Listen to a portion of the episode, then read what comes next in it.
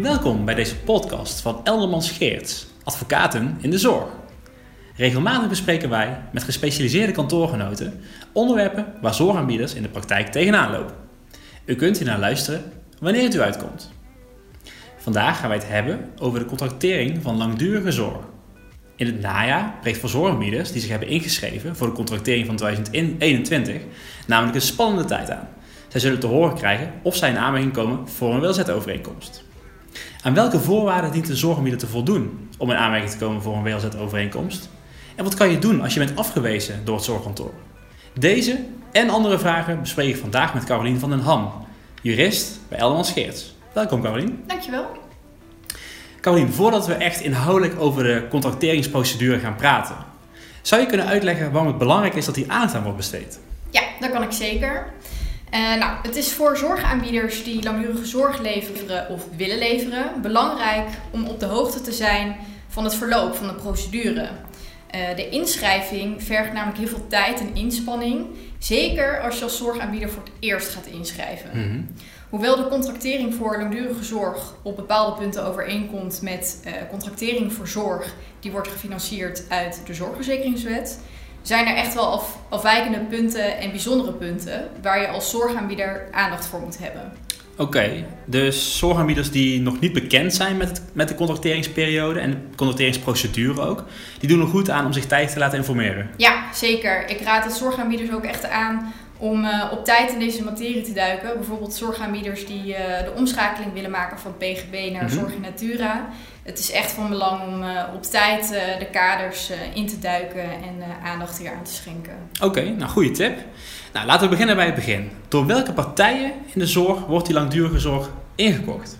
Nou, um, de langdurige zorg wordt door zorgkantoren ingekocht. Mhm. Zij zijn er dus voor verantwoordelijk dat er voldoende langdurige zorg beschikbaar is voor iedereen in Nederland.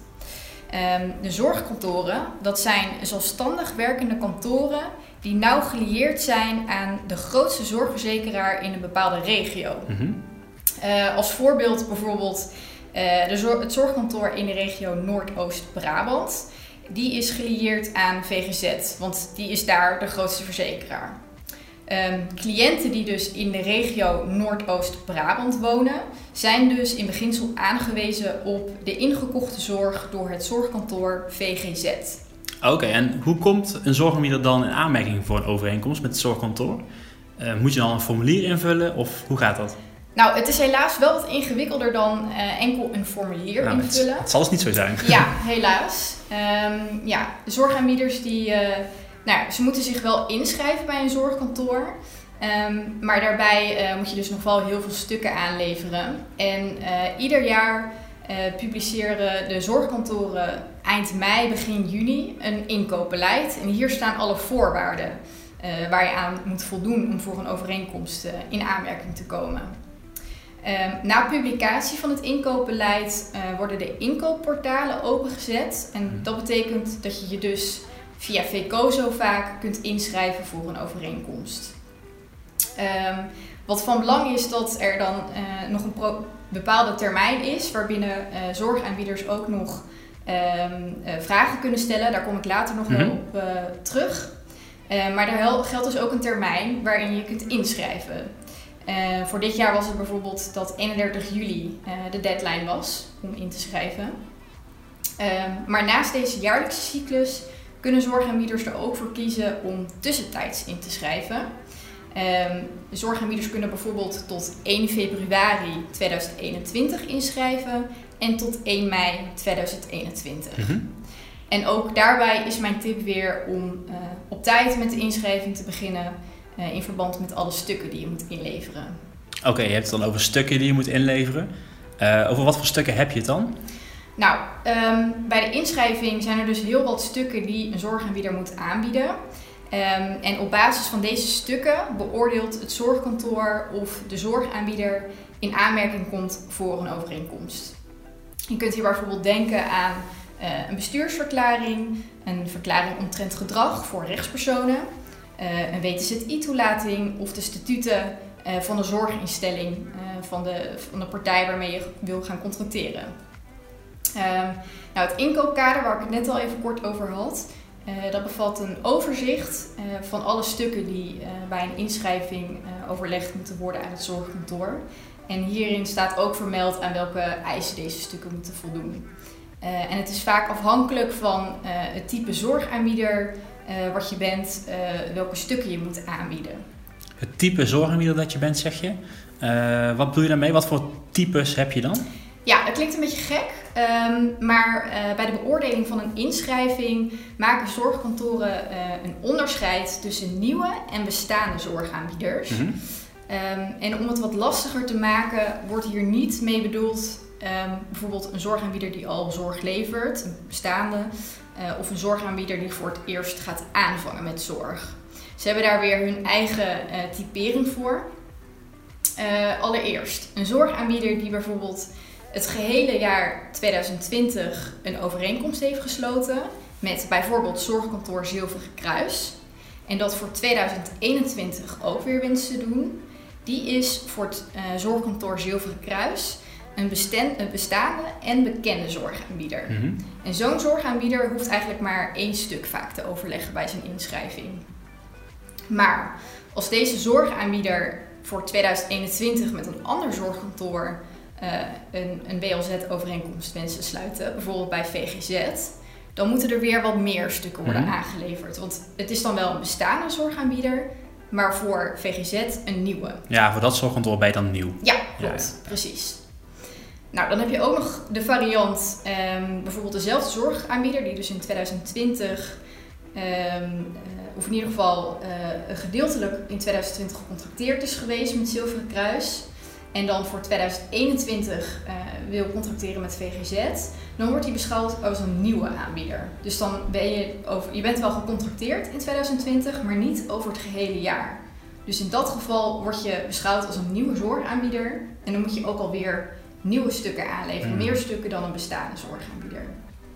Um, een geheel nieuwe zorgaanbieder is um, een goed voorbeeld daarbij is bijvoorbeeld een zorgaanbieder die momenteel um, alleen maar zorg levert op basis van een PGB en graag uh, voor 2021 gecontracteerd wil werken. Dit is echt een geheel nieuwe zorgaanbieder en nou ja, deze zal dus echt flink wat stukken moeten aanleveren bij zijn inschrijving. nou goed, deze omschrijvingen volgen uit het landelijk inkoopkader. Uh, maar het is mijn tip om ook even goed te kijken naar uh, de inkoopkaders van uh, de zorgkantoren zelf die ze publiceren.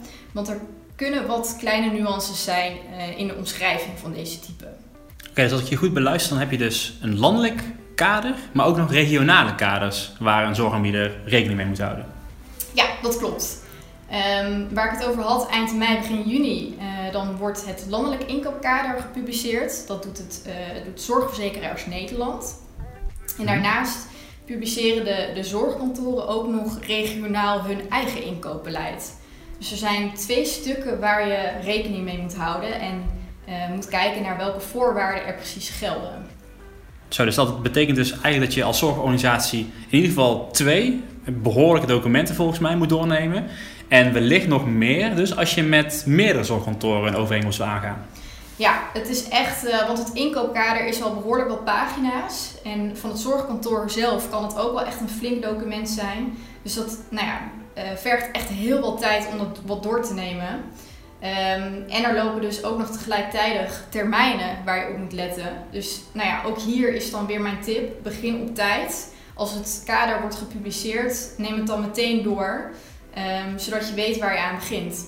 Ja, ja dus hè, wat ik vroeger deed op de middelbare school, een dag van tevoren beginnen met een werkstuk, dat, dat gaat nee, kennelijk niet. Nee, dat zou ik je sterk afraden. Ja, ja nee, dat kan echt niet. Nee, want welke termijnen zijn dan van belang om in de gaten te houden? Nou ja, eigenlijk zijn alle termijnen van belang natuurlijk. Um, maar er zijn wel een paar cruciale termijnen die ik uh, kan benoemen. Mm -hmm. um, allereerst de termijn uh, die begint te lopen na publicatie van het inkoopbeleid. Uh, deze periode bedraagt ongeveer zo'n twee weken. En in die twee weken kunnen zorgaanbieders uh, vragen stellen over het beleid of hun bezwaren uiten. Dus dan kunnen ze bijvoorbeeld ook een gerechtelijke procedure starten als ze het mhm. niet eens zijn met het beleid. Um, nou ja, als je hier geen gebruik van maakt, mocht je een gerechtelijke procedure van maken, um, dan kan het zijn dat als je bijvoorbeeld na deze periode alsnog een gerechtelijke procedure start, de rechter je niet ontvankelijk verklaart. Ehm, een andere hele belangrijke termijn ehm, is natuurlijk uh, de inschrijftermijn. Um, en dat was dit jaar, zoals ik al eerder aangaf, 31 juli om 5 uur. Net verstreken dus. Ja, die is verstreken. en ook hierbij is het echt mijn tip om dan niet diezelfde dag, zoals jij bij je werkstuk, dat je niet smiddags om drie uur pas alles gaat inleveren. Uh, nou ja, er kunnen zo digitale problemen zijn en dan, uh, dan heb je nog maar twee uur om alles op te lossen. Um, en die deadline is gewoon keihard. Als je die mist, dan heb je gewoon pech. Dus dat, uh, ja. het zou zonde zijn als je daardoor een inschrijving misloopt. Zeker, ja. Um, en um, het is ook wel goed om even op te merken dat de termijnen die gelden in principe landelijk. Maar er zijn soms zorgkantoren die ook nog voor specifieke onderdelen van de inschrijving uh, aparte termijnen hanteren. Dus ook hierbij moet je echt goed kijken naar het beleid van het specifieke zorgkantoor waarmee je wil gaan contracteren. Ja, oké, dus dan moet je toch ook weer kijken, en naast het landelijke inkoopkader, toch ook weer kijken naar die regionale ja. inkoopkaders. Ja, klopt. Oké, ja. zo. Ja. Oké, nou uh, even terug dan naar de procedure van de contractering. Uh, ja, ik zei net al, er komt er in het najaar een spannende periode aan hè, voor zorgaanbieders. Ik denk dat voor sommige zorgaanbieders dat zelfs nu al geldt. Uh, omdat ze in die periode te horen krijgen of zij wel of niet in aanmerking komen voor een overeenkomst. Ja. Ja, wat nou als het zorgkantoor een inschrijving afwijst? Is het dan echt einde oefening of kun je nog wat? Um, nou ja, het hoeft niet per se einde oefening te zijn. Uh, er kan zeker nog wel wat ruimte zijn um, om met het zorgkantoor hierover in gesprek te gaan. Um, kijk, uh, zodra iemand een afwijzing krijgt, dan krijg je dat schriftelijk te horen via een brief. Um, en hierin uh, staat een afwijzingsgrond. Uh, mm -hmm. Dus het is echt van belang dat zorgaanbieders op tijd deze brief goed bestuderen om te kijken wat nu precies die afwijzingsgrond inhoudt en wat je hier nog mee kunt doen. Um, en daarbij is het van belang om dat tijdig te doen, want er geldt ook weer meteen een termijn bij deze afwijzing. Um, meestal hanteert het zorgkantoor een termijn van 14 tot 20 dagen, waarin je de mogelijkheid hebt om nog uh, inhoudelijk te reageren op de afwijzing. Zo, dat is kort. Dus dat is echt heel kort. Ja.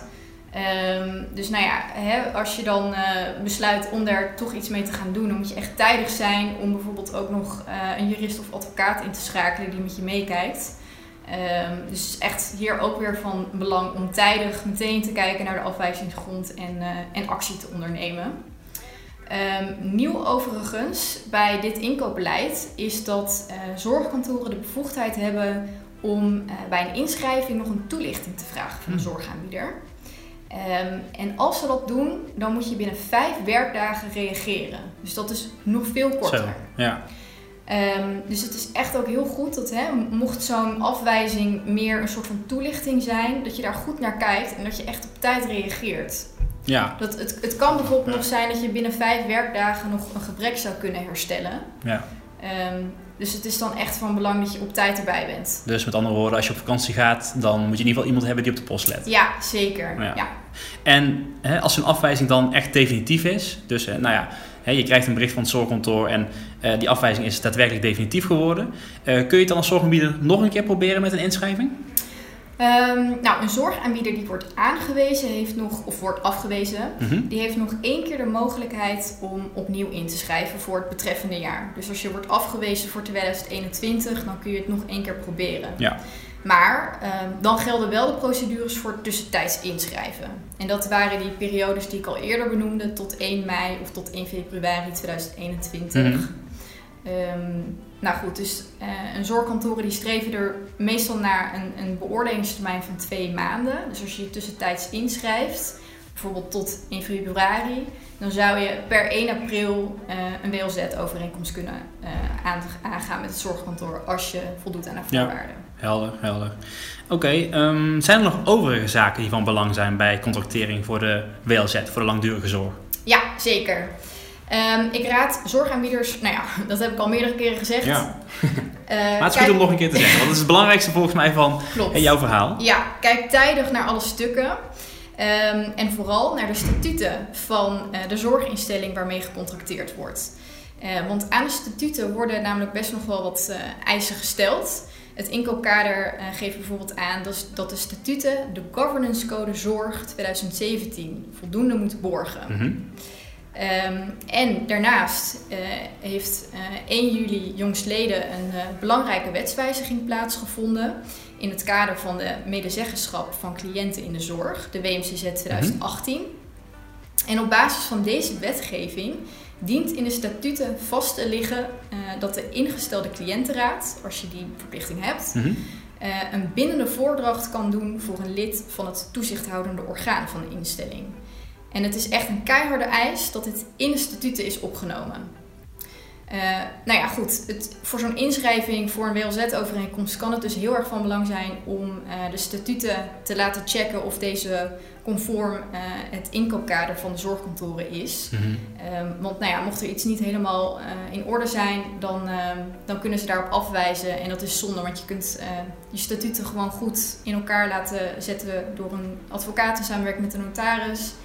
Um, en dan, uh, dan moet het goed komen. Ja, want anders dan moet je weer opnieuw beginnen, begrijp ja, ik niet. Ja, klopt. Ja, ja. En als ik het zo hoor, kan dat hè, ook ten aanzien van die statuten en de governance code nog wel een behoorlijk tijdrovende ja, klus zijn. zeker. Ja, want uh, eerst moet er natuurlijk nog even een advocaat naar kijken hè, waar de pijnpunten zitten. Uh, en vervolgens ook weer in overleg met de notaris. Dus hier ook het, de tip, begin tijdig. Ja, nou ja, als ik ons gesprek zo over contractering voor de langdurige zorg zou moeten samenvatten, dan is het magische woord inderdaad, als ik het zo goed begrijp, tijdig. Ja. Eh, begin overal tijdig mee en houd de termijnen goed in de gaten. Dat is eigenlijk wat je zegt. Ja, klopt. Ja, het klinkt een beetje cliché en een beetje suf. Ik voel me een beetje een juffrouw. maar het is, uh, ja, je kunt hier gewoon niet uh, op tijd bij zijn. kijk het gewoon op tijd. Kijk wat je nog nodig hebt, wat je moet verzamelen. Of je nog advies hebt van externe. En um, nou ja, uh, wat ook misschien niet helemaal handig is, is dat uh, deze inschrijving jaarlijks plaatsvindt in de zomerperiode. Dus er zijn vaak uh, mensen op vakantie. Um, nou ja, dat maakt het wel extra moeilijk. Ja, helder. Nou, dankjewel. Dan sluiten we hiermee deze podcast af. kunnen luisteraars bij vragen zich nog tot jou wenden? En dan, dan hoe? Ja, dat kan zeker. Um, mijn contactgegevens staan allereerst op de website van Elderman Scheerts. Um, en ik ben per e-mail bereikbaar op ham, dat is net als een plakje ham, Hendrika Annie Marie, apenstaatje eldermanscheerts, uh, streepje eldermanscheerts.nl. Um, en daarnaast is het ook wel interessant uh, om te vermelden dat ik samen met mijn collega Stijn van Engelen op 1 december aanstaande een uh, zorgseminar presenteer over de actualiteiten binnen de langdurige zorg. Dus mocht u hierin geïnteresseerd zijn, dan kunt u op uh, onze website hiervoor aanmelden. En dat is kosteloos, hè? Zeker, ja, het is kosteloos. Oké, okay, dankjewel. Jij ook bedankt.